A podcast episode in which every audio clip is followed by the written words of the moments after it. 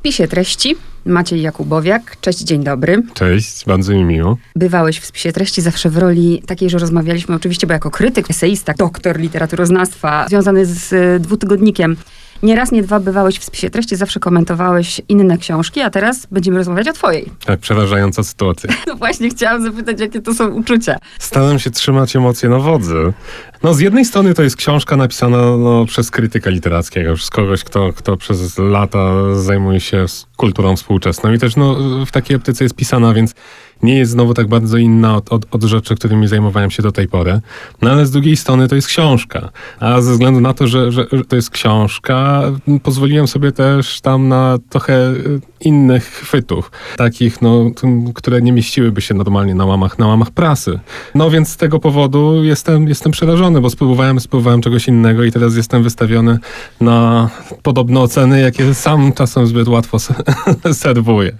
Bardzo byłam ciekawa twojej książki. To jest esej. Tak. Słuchajcie, Maciej musiał się przekopać najpierw przez, ja nie liczyłam, bo nie są ponumerowane, ale daję głowę, że tam jest ze 100 pozycji, jeżeli chodzi o literaturę, które musiałeś przeczytać zanim napiszesz tę książkę. Ona jest naszpikowana tak naprawdę, jak to w eseju, prawda, różnymi drogami, więc jak y, zapraszałam cię na rozmowę, to mówię, Boże, jak ja będę z tobą rozmawiać, z takim erudytą. No co ty, jesteś większą erudytką ode mnie. Jasne. Nie, naprawdę szacunek ogromny. Ile ci czasu zajęła praca nad tą książką? Zresztą e, to jest okropne słowo, ta erudycja, zaraz o tym. No pracowałem nad nią prawie dwa lata, ale tak naprawdę weszły e, tutaj materiały, no, które, no, nad którymi pracowałem wcześniej. Nie? Sporo, Bo pojawiały sporo... się już fragmenty w dwutygodniku, prawda? Tak, mhm. niektóre, nie, wykorzystałem niektóre fragmenty tekstów, czy całe teksty, które, które wcześniej pisałem, no ale one też były pisane z myślą o tym, że kiedyś staną się pewnie częścią większej całości. To też było fajne odkrycie, jak, jak w pewnym momencie zdałem sobie sprawę, że właściwie od, od wielu lat dość konsekwentnie, choć nieświadomie zajmuję się pewnym, pewnym obszarem tematów. Więc ten koniec świata jakoś, jakoś mi spiął parę rzeczy, którymi, o których pisałem tak czy inaczej wcześniej. No pracowałem nad tą książką prawie dwa lata. No i rzeczywiście starałem się przekopać przez trochę nowych rzeczy. Który, o tym, y, przez wcześniej... co się przekopiesz, to do tego dojdziemy, a ja tak. teraz przerywam i drodzy słuchacze, na, na razie jednym zdaniem.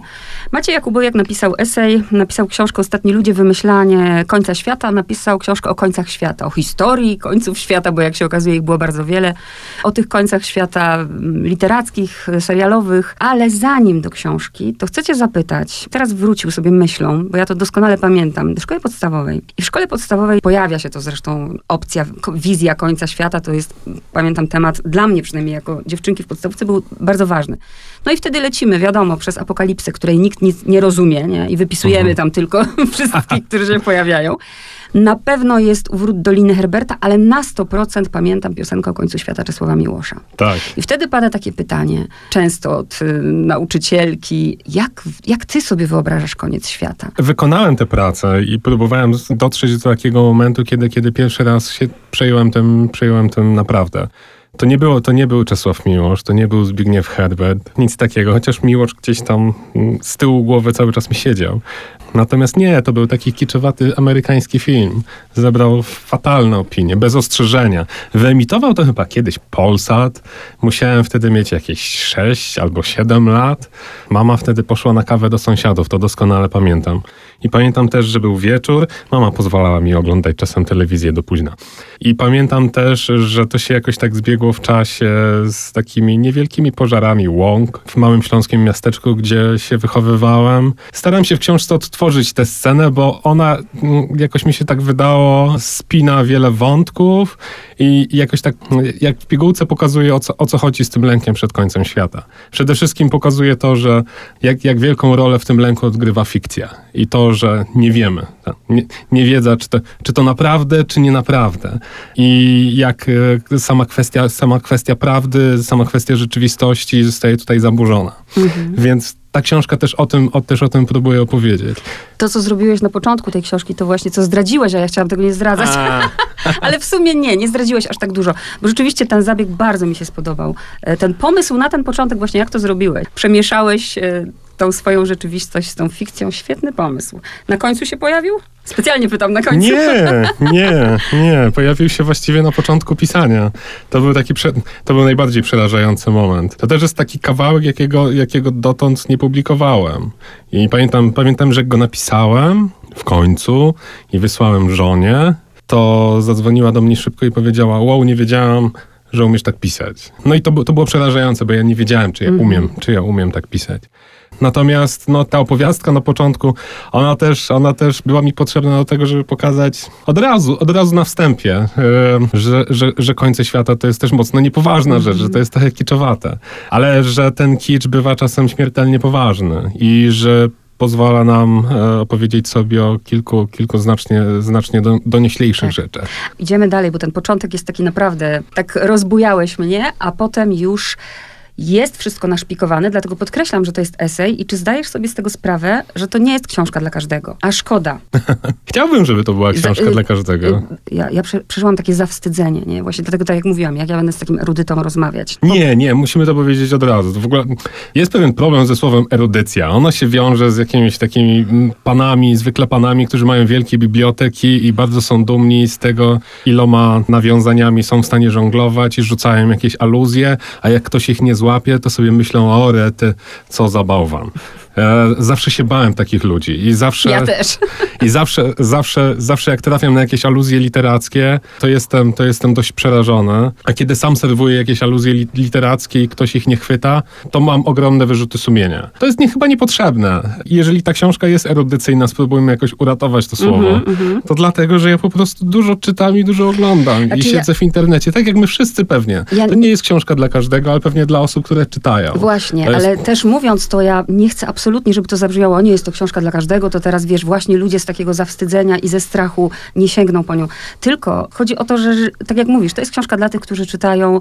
Miałam na myśli, nie jest dla każdego w takim sensie, no jak się patrzy na przeciętnego czytelnika w tym kraju, który uwielbia, nie wiem, y, przepraszam, Remigiusza Mroza, nie? Na przykład, nie? Mhm. E, więc w tym sensie to nie jest książka, którą się po prostu usiądzie, przeczyta, nad nią trzeba pomyśleć, zastanowić się. Ale myślę, że może też e, podziałać trochę jak taki przewodnik po kulturze tak. współczesnej. Taki może trochę bryk napisany w miarę no, atrakcyjnie. Dużo tam jest streszczeń i takich streszczeń włożonych tam trochę po to, żeby, żeby czytelniczki i czytelnicy mhm.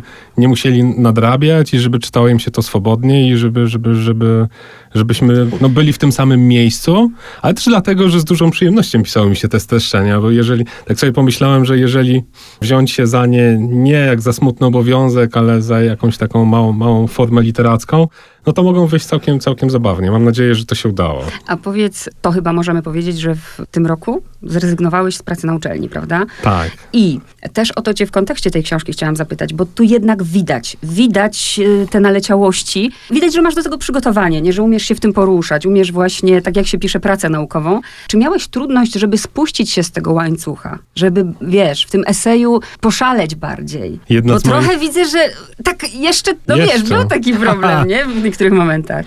Jeszcze, jedna z moich ulubionych e, polskich pisarek, czyli Renata Lis, często, często pisała o tym, że wiele lat zajęło jej pozbycie się akademickich przyzwyczajeń.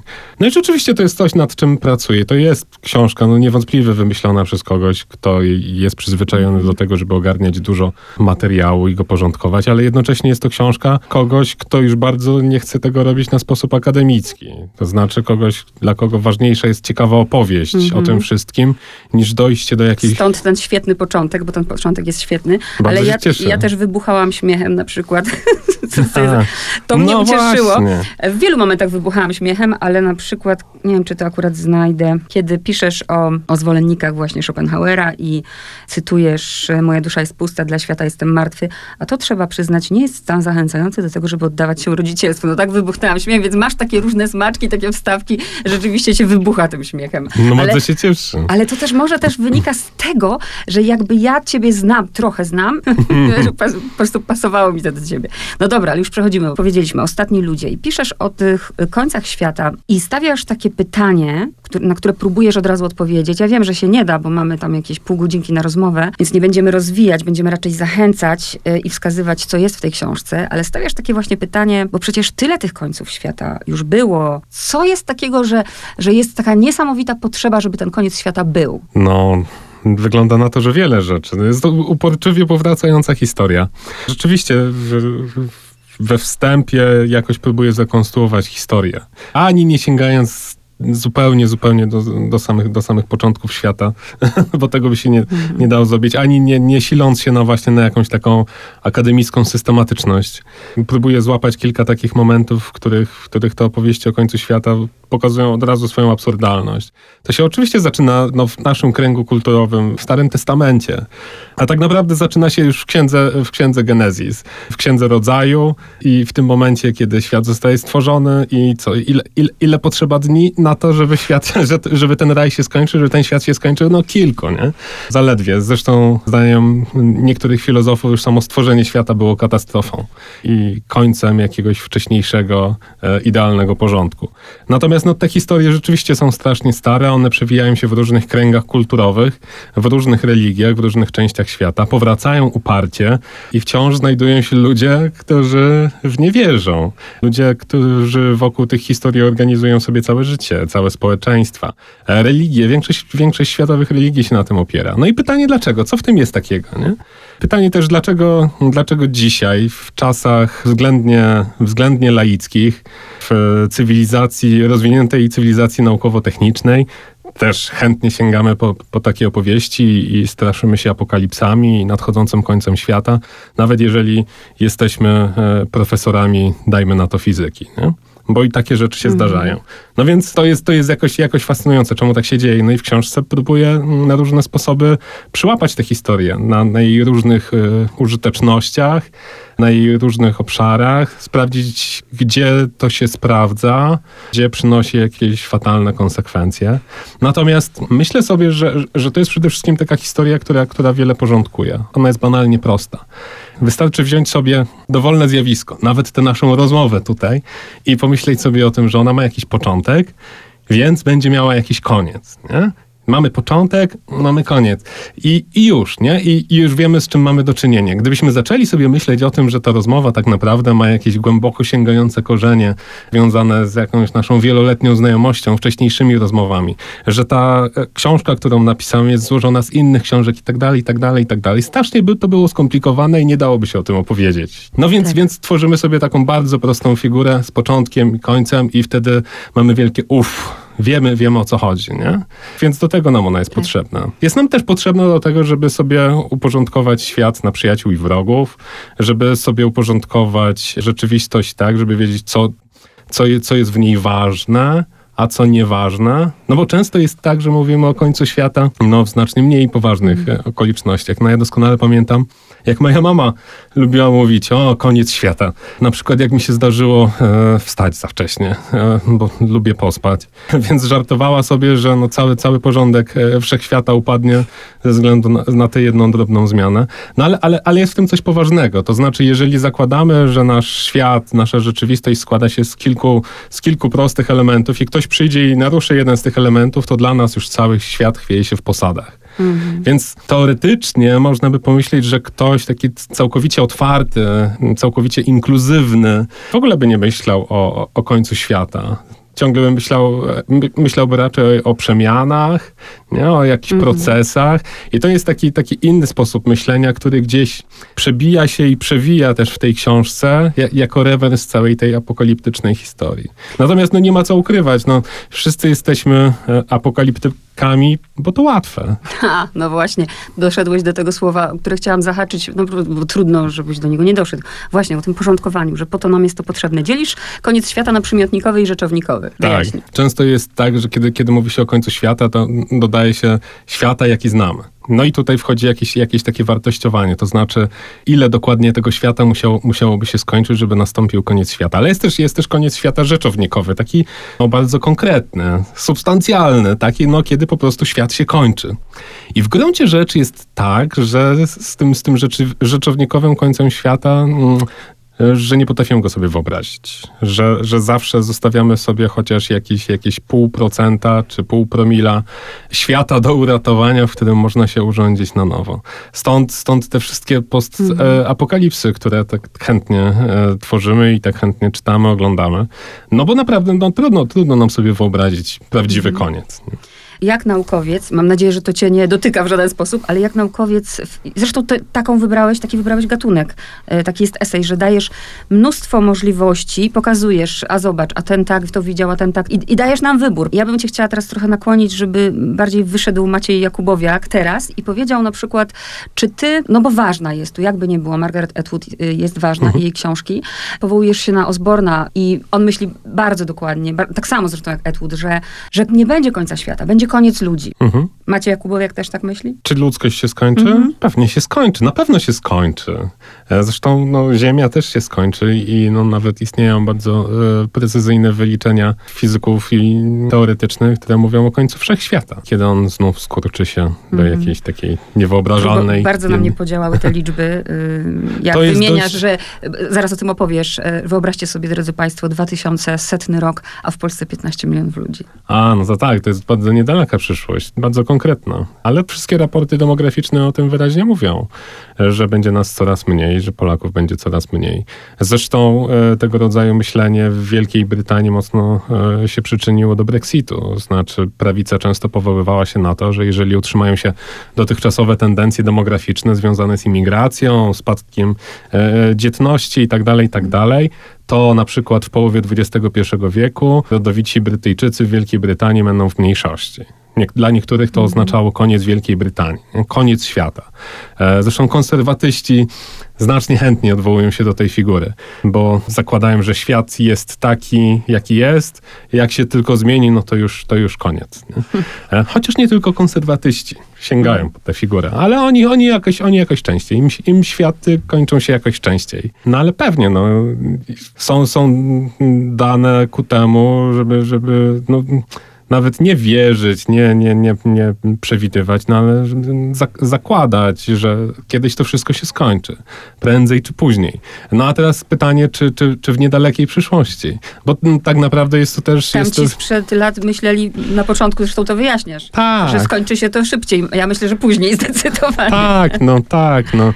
Zresztą no to jest, powiem inaczej. No w ogóle z tą bezpośredniością głosu to w tej książce jest duży problem, żeby Maciej Jakubowiak mówił tak. w swoim imieniu. Jeszcze spróbujemy może, ale e, może innym razem. Tego mi zabrakło, ale też rozumiem, to są tylko moje jakieś, wiesz, chcieństwa, ale rozumiem, że właśnie dlatego sięgnąłeś po taką formę, nie? Tak, tak. Ona, ona była, była do, tego, mm. do tego potrzebna i do tej tak. książki pasowała. To znaczy, tam nie mogło być za dużo ja tak mi się zdawało. Natomiast no, jest jeden taki użytek e, końca świata, który, który mnie się wydaje jakiś szczególnie atrakcyjny. Znaczy, czasem świata jest za dużo, czasem świat jest strasznie skomplikowany, czasem e, świat e, mm, narasta i naciska. I ja mam w sobie taki odruch, że jeżeli tego wszystkiego jest za dużo, to mam ochotę to zniszczyć. Mam ochotę to wszystko zrzucić z siebie. Mam taki odruch, żeby może zacząć wszystko od nowa. Moja żona strasznie na mnie narzeka z tego powodu czasem, bo na przykład lubię wyrzucać rzeczy. Czasem, czasem mam takie zupełnie niesentymentalne odruchy, że biorę e, worek i zaczynam, zaczynam do niego wrzucać jakieś na przykład rzeczy, po które nie sięgałem od wielu, wielu lat. Kiedyś e, zdarzyło mi się, no to straszne dla takich klasycznych erudytów będzie, jak nasz kundelek Daga miał taką, na początku jak ją wzięliśmy do domu, miała, miała taką tendencję, żeby zjadać grzbiety książek. Na początku strasznie mi było przykro, że zjada te książki, ale potem no, nie zajęło mi to wiele czasu. Jakoś tak pomyślałem, że może ona ma rację, że może tych książek jest za dużo, więc spakowałem te książki i wywiozłem do biblioteki. I nagle poczułem wielką ulgę, że jest tego że mniej, nie? że świat jest jakiś taki łatwiejszy. W tej swojej książce, w której zasadniczo zajmuję się różnymi wyobrażeniami i głównie, głównie fikcyjnymi fabułami, włożyłem też taki cytat z reportażu Wolfganga Bauera, niemieckiego reportażysty, z okupowanego Aleppo. Włożyłem ten cytat do książki, bo wydał mi się strasznie, strasznie przejmujący, jakoś tam współgrał z tym, o czym mówię. To znaczy, to jest cytat z mężczyzny, który próbuje w tym okupowanym Aleppo, w którym różne siły militarne próbują ugrać swoje i ten, ten mężczyzna próbuje uratować swoją rodzinę i jakoś, jakoś ogarnąć sytuację. No i w pewnym momencie siada i mówi, niech już spadną na nas te bomby, już dłużej nie wytrzymam. I to też jest jedna z, z bardziej fascynujących funkcji końca świata, żeby, żeby w końcu nam było łatwiej. Ta potrzeba, jeszcze wrócę, ja to przypisuję doświadczeniom mm, z racji w moim życiu granicznych doświadczeń, rzeczywiście takiego fizycznego końca świata, stało się to, tak nie było, ale stało się to, o czym ty mówisz. Przestałam się przywiązywać do rzeczy, a kiedyś byłam bardzo przywiązana. Zapisywałam sobie, komu pożyczam książkę. Jak mi nie oddał, to oj, oj, oj. Ja teraz po prostu książka jest dla mnie rzeczą. Ona idzie dalej, ona idzie dalej. Ja nie muszę jej mieć już na półce. Bardzo się, jakby ten mój stosunek zmienił Dlatego, że ten koniec był blisko i, i, był bardzo namacalny. Ludzie, jak się patrzy na ludzi, chociaż teraz idę w ocenę, ale tak mi się wydaje, że ludzie w ogóle nie dopuszczają do siebie, że będzie jakiś koniec. Nawet mówię o takim, wiesz, o takim świecie malutkim. Y, są tak przyzwyczajeni do tego, co jest i tak przywiązani, że w ogóle tak jakby to się nigdy nie miało zmienić. No pewnie, pewnie, pewnie że bliskość takich doświadczeń mm. jakoś potrafi, potrafi z tego wyleczyć. E, z takiego apokaliptycznego myślenia. Jak, jak się długo żyje przed końcem świata, to w końcu można do tego przywyknąć. Ale w gruncie rzeczy być może na tym, na tym polega całe nasze życie. Ta opowieść o końcu świata, ona dlatego też jest fascynująca, że ona jest zawsze fałszywa. Mm -hmm. Znaczy, wszystkie te końce, to mówiliśmy o tym na początku. Tak jak wszystkie... piszesz, poważny naukowiec się tym nie zajmuje. Tak, tak. no. E, no wszystkie, wszystkie te historyjki od samego początku, no one siłą rzeczy tak. okazały się fałszywe. Nie było żadnego końca świata. I co? I czy będzie jakiś koniec świata? No mów, mówiłem, że będzie, no ale on będzie w tak odległej przyszłości, że tak naprawdę nikt go, nikt go nie zarejestruje, nie? że jest tylko jakąś teoretyczną fikcją. O tym warto pamiętać, nie? Kiedy, kiedy sięgamy, sięgamy po tę retorykę na przykład po to, żeby się zmobilizować do działania, to to może, może na krótką metę e, zadziałać, ale, ale z drugiej strony, kiedy mówimy, że grozi nam koniec świata, to od razu przeskakujemy w sferę, w sferę wyobraźni, w sferę mm. fikcji, w sferę spekulacji tak. i w gruncie rzeczy od razu mrugamy okiem. Nie da się powiedzieć koniec świata bez mrugania okiem.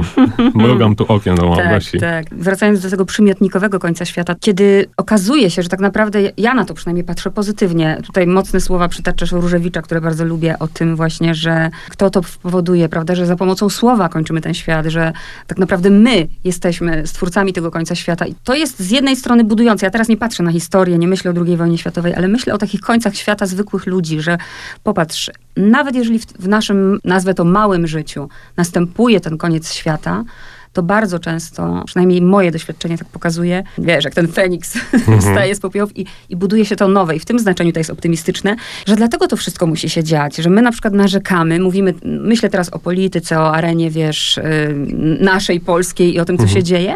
I czasem tak mam, może to, co teraz powiem, jest straszne, ale czasem tak mam, że to po prostu musi być, żeby ten koniec nastąpił, żebyśmy znów mogli budować. Mhm, że potrzebujemy wyzer tak, wyzerować tak. tę sytuację. Tak, tak. Że on musi być. I to jest ten moment, kiedy koniec świata przestaje być konserwatywny, a staje się bardzo rewolucyjny tak. i progresywny.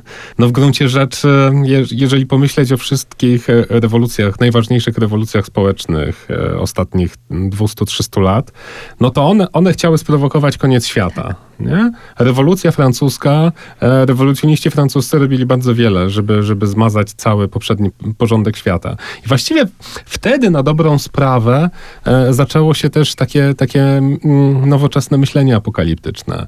O tym, że możemy zapanować nad końcem świata, że możemy skończyć z tym, co było i, i zacząć coś całkiem, całkiem nowego. Nie? Mhm. Stworzyć sobie taką czystą kartę. To jest, to, jest, to jest wielkie marzenie nowoczesności, nie? czyli w gruncie rzeczy wielkie marzenie naszej, naszej kultury, całej naszej kultury. E, sztuka awangardowa tak. początku XX wieku o tym marzyła.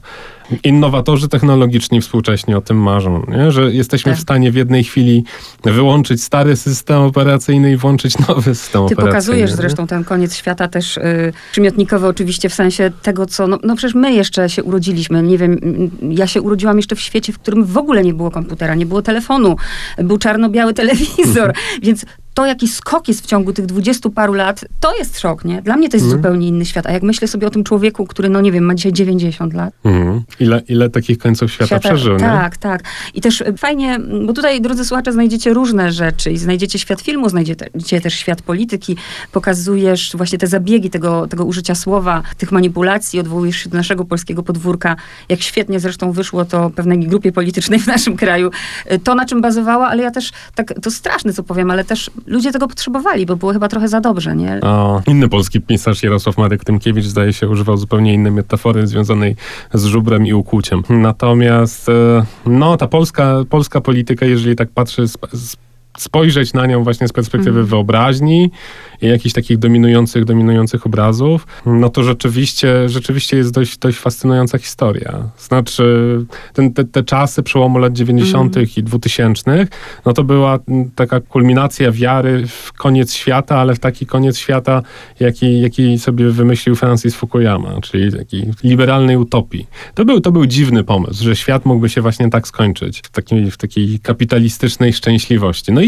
no i dominująca opowieść o świecie wtedy, wtedy była taka. I ta dominująca opowieść niosła jedną z formacji politycznych przez bardzo długi czas. No ale potem okazało się, że to nie działa, że to wcale nie jest żaden koniec historii. I ta formacja, zdaje się, do dziś nie pogodziła się z tym, że nie miała racji. No więc, więc trzeba było to. Istniała w społeczeństwie potrzeba, w części społeczeństwa potrzeba, żeby zresetować tę opowieść. Mm -hmm, no właśnie. i tak się zdarzyło, że, że, że, trafiło się takie wydarzenie historyczne, tragiczne. Postać katastrofy smoleńskiej, które no, stało się no, niemalże namacalnym dowodem na to, że świat się skończył, tak. że, ten, że ten wcześniejszy świat się skończył, więc trzeba, trzeba zacząć od nowa. No i w tym sensie współczesna Polska jest postapokalipsą. Ale, ale jeżeli sięgnąć głębiej do polskiej wyobraźni, to w gruncie rzeczy być może e, Polska w ogóle jest postapokalipsą, bo jesteśmy chyba jedynym narodem, który hymn zaczyna od tego, że ten kraj właściwie to zaraz przestanie istnieć. Tak. jeszcze, jeszcze Polska e, nie zginęła, ale to w gruncie rzeczy mogłoby być zawołanie każdej, każdej obywatelki, każdego obywatela świata. Jeszcze żyjemy. Nie? Jeszcze, umrzemy, tak. tak. więc, więc to, jest, to jest też jakoś... Ale to jest fascynujące, o tym można faktycznie rozmawiać bez końca. Bardzo często właściwie używamy tego słowa. A jeszcze wrócę do tego świata, mm, końca świata rzeczownikowego i chcę, żebyś powiedział słuchaczom, żeby też mieli taki obraz, do których seriali sięgnąłeś, dlatego do nich sięgnąłeś, bo, czy w ogóle tak, takie mam wrażenie, patrząc na bibliografię, że też się trochę tym bawisz i sięgasz do tego, co ci po prostu sprawia przyjemność. No tak, mhm. tak. Dlatego to jest bardzo nieakademickie. Dosyć kapryśny, kapryśny wybór. I pewnie... Wymień kilka tytułów. No więc y, jednym z takich seriali, które, które w ostatnich latach y, wywarły na mnie wielkie wrażenie, niewątpliwie był Czarnobyl. Ale nie dlatego, że to była świetna opowieść historyczna, która skrupulatnie rekonstruuje, tylko dlatego, że jak oglądałem ten Czarnobyl, to z każdym odcinkiem prze, przeżywałem, przeżywałem dokładnie ten oddech, o którym właśnie mówiliśmy. Jeszcze nie każdy odcinek Czarnobyla jest właściwie tak zrobiony, że podprowadza nas pod jakąś potencjalną katastrofę, choć zaczyna się od katastrofy, nie? a potem są kolejne na horyzoncie i wtedy dostajemy to jeszcze nie. No i teraz ostatni odcinek Czarnobyla to jest bardzo dziwna historia, ponieważ on jest taki on dość nudny. Nie? Tam jest taki długi, długi sądowy wykład profesora Legasowa o tym, jak działa e, reaktor jądrowy. I zastanawiałem się rany, po co nam to pokazują, żebyśmy wiedzieli, jak działają reaktory jądrowe? No i, i, i, i pod koniec tego odcinka zdałem sobie sprawę z tego, że, że ten wykład i cały ten taki bardzo uspokojony odcinek był po to, żeby nam pokazać, że to jest wciąż aktualna historia, że to jeszcze nie jest właśnie teraz. No i na tym, na tym polegał moim zdaniem geniusz tego serialu. Nie na tym, że on pokazał jakąś fascynującą historię, tylko pokazał, że ta historia wcale się nie skończyła i że, e, że, że ten lęk przed e, końcem wciąż trwa. Ale z drugiej strony na przykład sięgnąłem, no zupełnie, zupełnie wprost, po taki serial e, Netflixa opowiadający o dwojgu nastolatków, którzy mają różne problemy rodzinne i wikłają się w jakieś dość makabryczne przygody. Serial, tłumacząc na polski, nazywa się Koniec tego mm, pokręconego świata. E, the End of the F-World. E, no i zastanawiałem się, co też takiego jest w tym serialu, że to miałoby być o końcu świata. No, no i faktycznie tam ci 16-17-letni e, młodzi ludzie no, przeżywają apokalipsę za apokalipsą. I jakoś mimo wszystko próbują sobie, próbują sobie z tym radzić. I, i, i to też jest jakaś interesująca interesująca, interesująca opowieść o tym, o tym jak, to, mm, jak to wszystko może działać. Ale sięgam też po najróżniejsze, najróżniejsze filmy, te lepsze, jak na przykład Melancholia, tak. Larsa von Triera, przepiękny, przepiękny, wysmakowany film, z, świetnie przemyślany, ale też pokazujący w jaki sposób to myślenie o końcu świata jest częścią naszej codzienności. To jest zresztą to też jedna, jedna z fascynu bardziej fascynujących zagadek artystycznych. To znaczy, co pierwsza część tego filmu ma tak, mm, tak. wspólnego z końcem świata. E, no i to jest właśnie no, no zagadka, na którą trzeba sobie, so, trzeba Ale sobie też jest Dzień Niepodległości. Jest, tak, jest jasne. parę takich hitów. Oczywiście. Jest taki film Zapowiedź z Nicolasem Cage'em. Obejrzałem to sobie z obowiązku jest to absurdalny film właściwie, właściwie o tym, że nic się nie da zrobić. znaczy kolejne katastrofy spadają na świat, Nicolas Cage odkrywa z przerażeniem tak. datę końca świata i próbuje, próbuje coś zdziałać, ale jest, jest kompletnie bez sensu. On nic nie może zdziałać. I, i, I to być może dlatego ten film nie był wielkim, wielkim sukcesem. I za to ci akurat też dziękuję, bo ja na przykład tego filmu nie widziałam i, i tu drodzy słuchacze wam mówię, że y, nawet jeżeli pewnych rzeczy nie czytaliście, nie widzieliście, to rzeczywiście Maciek robi to w taki sposób, tak podajesz to, że ja po przeczytaniu tego fragmentu czuję się, jakbym ten film widziała, nie? Mam już to podane na tacy i za to dzięki. Nie, bo nie widziałam tego filmu, naprawdę, no. nie? A powiedz, bo wspomniałeś Melancholię. Melancholia to jest film, na który, który uwielbiam. Widziałam wiele, wiele razy. Chcę jednak wyciągnąć od ciebie coś takiego. Gdybym miała myśleć o tym końcu świata rzeczownikowym, to bym, nie, byłabym naprawdę chyba podekscytowana, gdyby to wyglądało tak jak w Melancholii. A ty? No, chyba jak w tym kiczowatym filmie bez ostrzeżenia. E, on jest ładny w jakimś sensie. Pokazuje, że na końcu jakoś, jakoś umiemy, umiemy być ludzcy i umiemy się ładnie pożegnać z tym światem. I jest tam taka scena, kiedy dziennikarze na całym świecie wiedzą już, że to koniec, bo jakby tysiące meteorytów lecą w stronę, w stronę yy, wszystkich, wszystkich miast na ziemi, no i wiadomo, że, że, już się nie uratujemy. No i oni pięknie się żegnają. Jest tam, jest tam taki prezenter telewizyjny, który do samego końca jest ostoją dla swoich widzów, dla swoich młodszych współpracowników, no i żegna, żegna się, e, żegna się z ludzkością, cytując Szekspira. To nie nasza, lecz gwiazd naszych wina. To jest jakieś ładne, nie? Że, że, Ale że... patrz jak mocno w tobie, patrz jak to wszystko jednak ma korzenie w tym, czym nasiąkamy, nie? To jest ten no. pierwszy film, który zrobił na tobie wrażenie i jednak wybierasz ten. No rany, no melancholia jest ładniejsza, no pewnie, że jest ładniejsza. Ciekawszy e, Chociaż... koniec świata, zdecydowanie. nie, no całkiem podobne, że gwiazda, wielka no tak. gwiazda spada nam na głowę. Ale jakoś ta, tu tak wolniej mi to...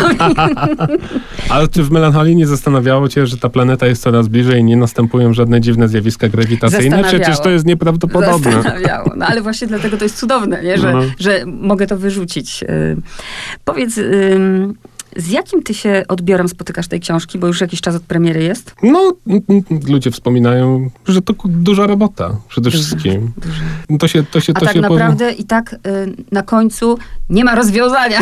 No, no tak, Możemy tak. wymyślać te końce świata i pewnie jeszcze długo. Możesz napisać drugi tom. No tak, to jest właściwie historia, która nie powinna, nie powinna się kończyć. Tak. Tu jest coś, no pytałeś, pytałeś o tę akademię, tu jest coś antyakademickiego, ale też w tym sensie antyapokaliptycznego. To znaczy, jeżeli, jeżeli sobie pomyśleć o tym, że koniec świata jest taką opowieścią, która nam organizuje różne mhm. rzeczy, to ona też nam organizuje myślenie i sprawia, że zwykle na końcu oczekujemy e, rozwiązania, tak. oczekujemy objawienia. Apokalipsa, nie, no, tak. apokalipsa, tak źródłowo e, z tak. greckiego, to jest właśnie objawienie. Nie? I na tym polega ten pomysł, że na samym końcu zobaczymy, tak. jak jest. Nie? Tak jak, nie wiem, Mariusz Max Kolonką mówi, nie? teraz powiem Państwu, jak jest. Nie? To jest apokaliptyk. To jest święty Jan współczesny. E, no więc e, w tej książce próbowałem zrobić wszystko, żeby nie powiedzieć, tak jak jest. jest próbowałem zrobić wszystko, żeby ta książka nie miała normalnego zakończenia. No więc w tym sensie to jest, to jest książka przeciwko końcowi tak. świata, której, której próbuję pokazać, w jaki sposób moglibyśmy myśleć przeciwko końcowi świata? W jaki sposób moglibyśmy, moglibyśmy sobie wyobrazić jakieś inne scenariusze? Użyło mi dobrze, odczytałam sens. No i w tym sensie jest to też książka, która ma rozdział pod tytułem początek, ma rozdział pod tytułem koniec, ale tak. to nie jest ostatni rozdział.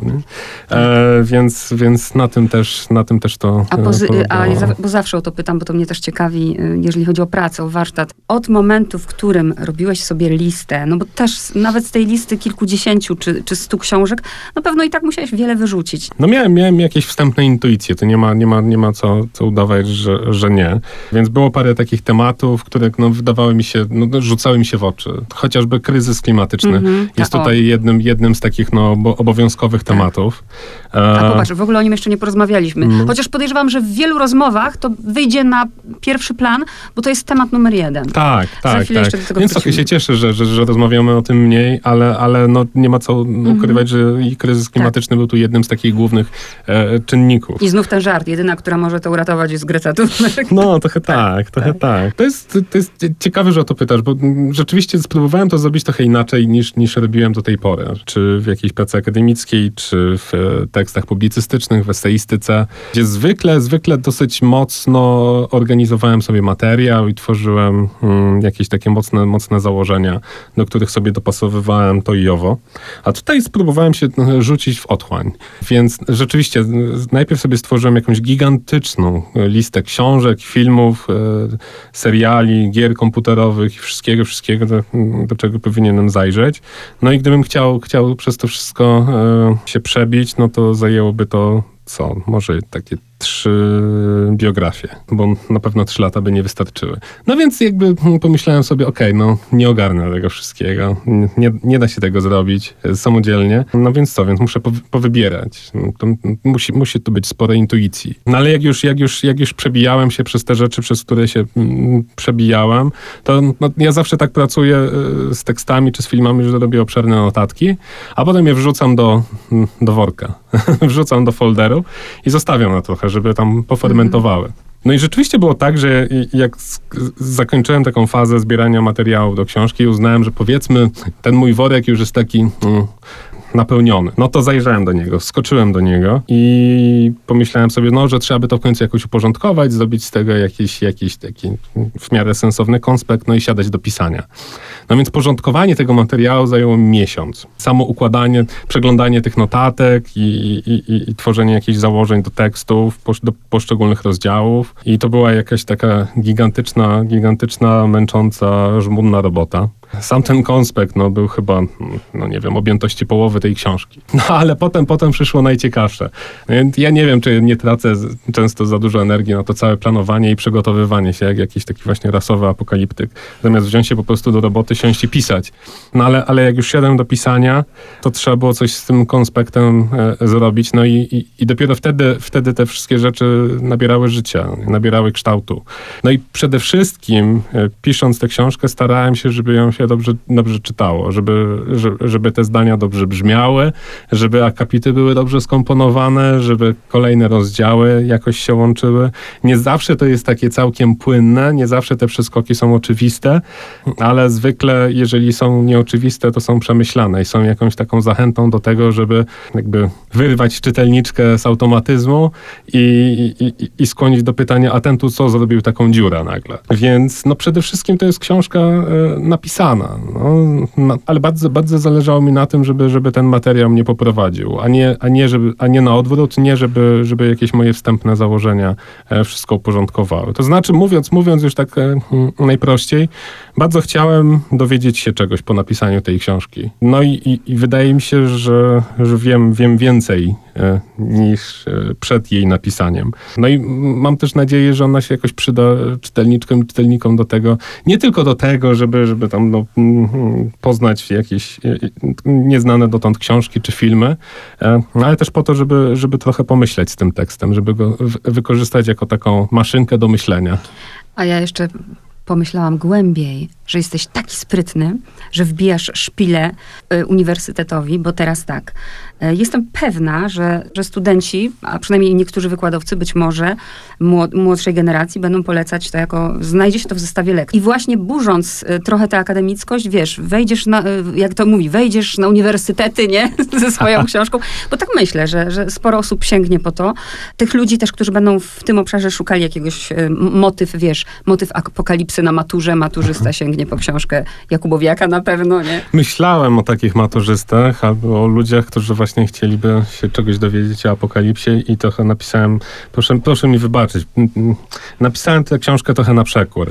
To znaczy napisałem ją tak, żeby nie była e, leksykonem, tak. żeby nie była przewodnikiem, że jeżeli ktoś chce się dowiedzieć na przykład o co chodzi, na przykład we współczesnych fantazjach demograficznych czy antynatalistycznych, tak. jak już sięgnie po ten rozdział, to będzie go musiał przeczytać niestety od początku do końca i nie będzie tam prostych odpowiedzi. Taka to jest książka, to nie jest leksykon, tylko no, no właśnie jakaś taka próba wspólnego, wspólnego przebijania się przez, e, przez ten gąszcz. Rozmawiałem mm, niedawno z przyjaciółką, która, która zabierała się do lektury tej książki i ona powiedziała, że czytała jakieś fragmenty i że jakoś uderzyło ją, że, że, że, że przynajmniej w tych fragmentach, które widziała, nie ma już takiego Jakubowiaka, który wie, który przychodzi z gotową wiedzą i tutaj wszystko poustawia. Mhm. No i, i jakoś bardzo się ucieszyłem właśnie z tego, z tego rozpoznania, bo to rzeczywiście jest trochę książka, no i to, to jest chyba rzecz, której bałem się najbardziej.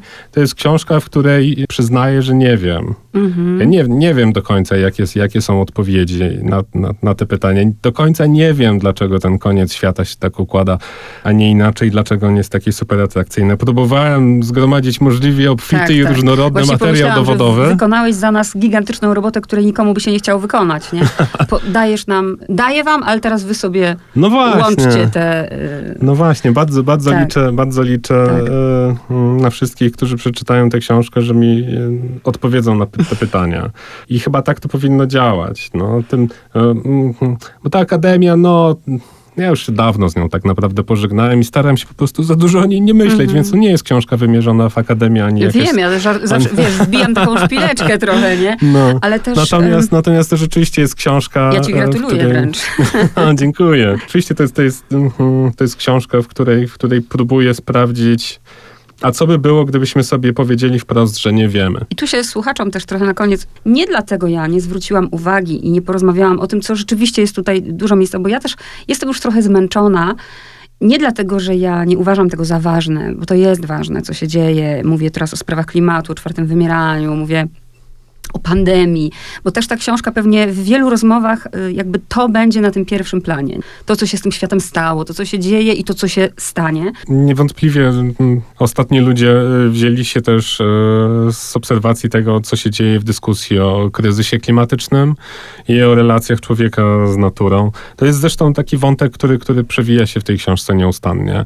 E, tego, że pewien, pewien pomysł na nasze relacje ze światem no już jest nie do utrzymania e, że samo pojęcie natury jako czegoś, co jest sobie neutralnie, w tle, gdzie możemy wyrzucić wszystkie nasze śmieci i coś tam się z nimi stanie, się same zutylizują, że to jest już e, nie do utrzymania. Ale e, tak jak e, retorykę apokaliptyczną e, w XX wieku najskuteczniej uruchamiała zimna wojna i zagrożenie e, bronią jądrową, no tak w XXI wieku tę retorykę no, reaktywował kryzys klimatyczny. I to było takie narzędzie, po które trochę w fakcie desperacji sięgnęli aktywiści, naukowcy, żeby nas wszystkich zmobilizować do działania. No i wydaje mi się, że to jest trochę ryzykowny gest. To znaczy, że on z jednej strony potrafi nas rzeczywiście zmobilizować do działania, tak jak, tak jak było z Gretą Thunberg i młodzieżowymi stajkami klimatycznymi, czy e, fantastyczną mm, organizacją Extinction Rebellion, e, która, która zresztą tę apokalipsę ma niemalże w nazwie. No ale z drugiej strony jest tak, że to jest e, e, takie paliwo, które bardzo szybko się spala e, i ma swoje efekty uboczne. No i przede wszystkim jest to, o czym, o czym, o czym wspominałem przy innej okazji, to znaczy ono zawsze jest fikcyjne. To znaczy zawsze, zawsze mówimy apokalipsa e, w cudzysłowie. Zawsze, zawsze e, z przymrużeniem oka. E, bo zawsze to jest opowieść o tym, że to się, to się nie wydarzy. Więc sięgamy, sięgamy po to narzędzie i niby powinniśmy coś zacząć robić, mm, no ale jakoś nic z tego nie, wy, nie wychodzi. I, I trochę się dziwimy dlaczego. Natomiast no, mm, jeżeli popatrzeć na to jeszcze szerzej, nie tylko, nie tylko w kontekście kryzysu klimatycznego, ale, ale w ogóle relacji człowieka z przyrodą, i, i, skutków naszej działalności, przede wszystkim no, gospodarczej, cywilizacyjnej, dla świata, świata przyrody, świata zwierząt. To to jest jedna wielka apokalipsa, która, która się dzieje, ale która się dzieje tuż obok nas, ale której nie widzimy. Jak z tą żabą gotującą się. Nie? Tak, mhm. tak. Martwimy się, martwimy się i wyobrażamy sobie z przerażeniem, co by to było, gdyby się skończył, skończyła ludzkość, czyli de facto gdyby skończyło się istnienie gatunku Homo sapiens ale przecież na naszych oczach codziennie giną całe, całe, całe gatunki. E, istnieją, istnieją zwierzęta, e, które, które współtworzyły moją i twoją wyobraźnię, e, których e, już kolejne pokolenie pewnie e, nie pozna, nie? nigdy nie zobaczy, po prostu ich nie będzie. No więc te końce świata mm, cały, cały czas się dzieją, cały czas się dzieją obok nas. I to jest, to jest y, jedna z takich bardziej, mm, jeden z bardziej interesujących wątków, który się pojawia w tych wszystkich dyskusjach. E, to znaczy, żeby, żeby może mm, trochę wyjść z takiego gatunkowego e, egoizmu i pomyśleć sobie o tym, że ten świat jest sprawą nie tylko nas, ludzi, ale też, też innych gatunków zwierząt. I że być może, piszę też o tym w książce, że, że być może kiedy, kiedy poszerzymy tę naszą wspólnotę e, i kiedy zaczniemy myśleć, kiedy, kiedy będziemy mówić my i będziemy myśleć też o innych gatunkach zwierząt, to może wtedy mniej się będziemy bać końca świata, bo będzie nas po prostu więcej będziemy bardziej różnorodni i no łatwiej, łatwiej nam będzie znieść tę myśl. E, jeden z bohaterów jednej z powieści, którą, którą, którą cytuję w książce, e, Ostatniego Brzegu Neville'a Szata, takiego, takiego bestselleru z lat 50. E, ubiegłego wieku, tłumaczy swoim, swoim przyjaciołom, swoim współpracownikom, przeżyją nas psy. Przeżyją tak, nas króliki. Tak. I oni to biorą mm, za żart że no ha, ha, ha, co nam z tego, że nas przeżyją psy i króliki. No a może to świetnie, nie? E, ostatecznie, czy tak bardzo się różnimy od psów i królików. I to jest, co, co ciekawe, te intuicje mm, znalazłem też w finale pierwszej nowoczesnej e, opowieści o ostatnich ludziach i o końcu świata, czyli w powieści Mary Shelley, tej autorki. Do której nawiązujesz au, Tak, autorki mhm. Frankensteina, od której pożyczyłem tytuł książki. Tak. Jej, jej powieść Ostatni Człowiek. Ta książka nie, jest, nie, nie była tłumaczona na polski, ona jest dość długa i dość nudna i dość kiepsko napisana, prawdę mówiąc, e, ale szale, szalenie interesująca. Mm, no więc tam, tam w finale jest rzeczywiście postać ostatniego człowieka. On ma na imię Lionel i sobie wędruje e, po Półwyspie Apenińskim. No, zdaje sobie sprawę z tego, że już chyba nikt nie przetrwał, że ludzi nie ma nigdzie i że, że, że jest ostatni. I wtedy patrzy na krowy i na kozy i myśli sobie, no szokujące, no oburzające po prostu. Tutaj cały gatunek e, ludzki wymarł, a te sobie żyją w najlepsze, dbają o swoje dzieci, skubią trawy. Jak to tak? Jak to tak? Też powinny umrzeć. No i to jest jego pierwszy odruch. Ale, ale po chwili zdaje sobie sprawę, że może nie, że może tu jest właśnie jego ratunek. Że z tymi krowami, kozami i psami łączy go znacznie więcej niż dotąd chciał myśleć.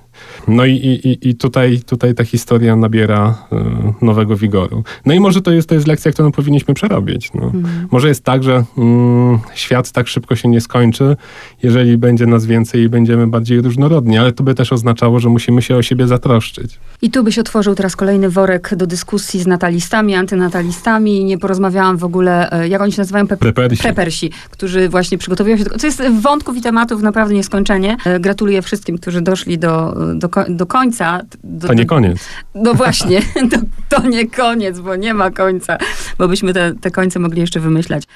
Maciej Jakubowiak, ostatni ludzie, dziękuję bardzo. Bardzo dziękuję.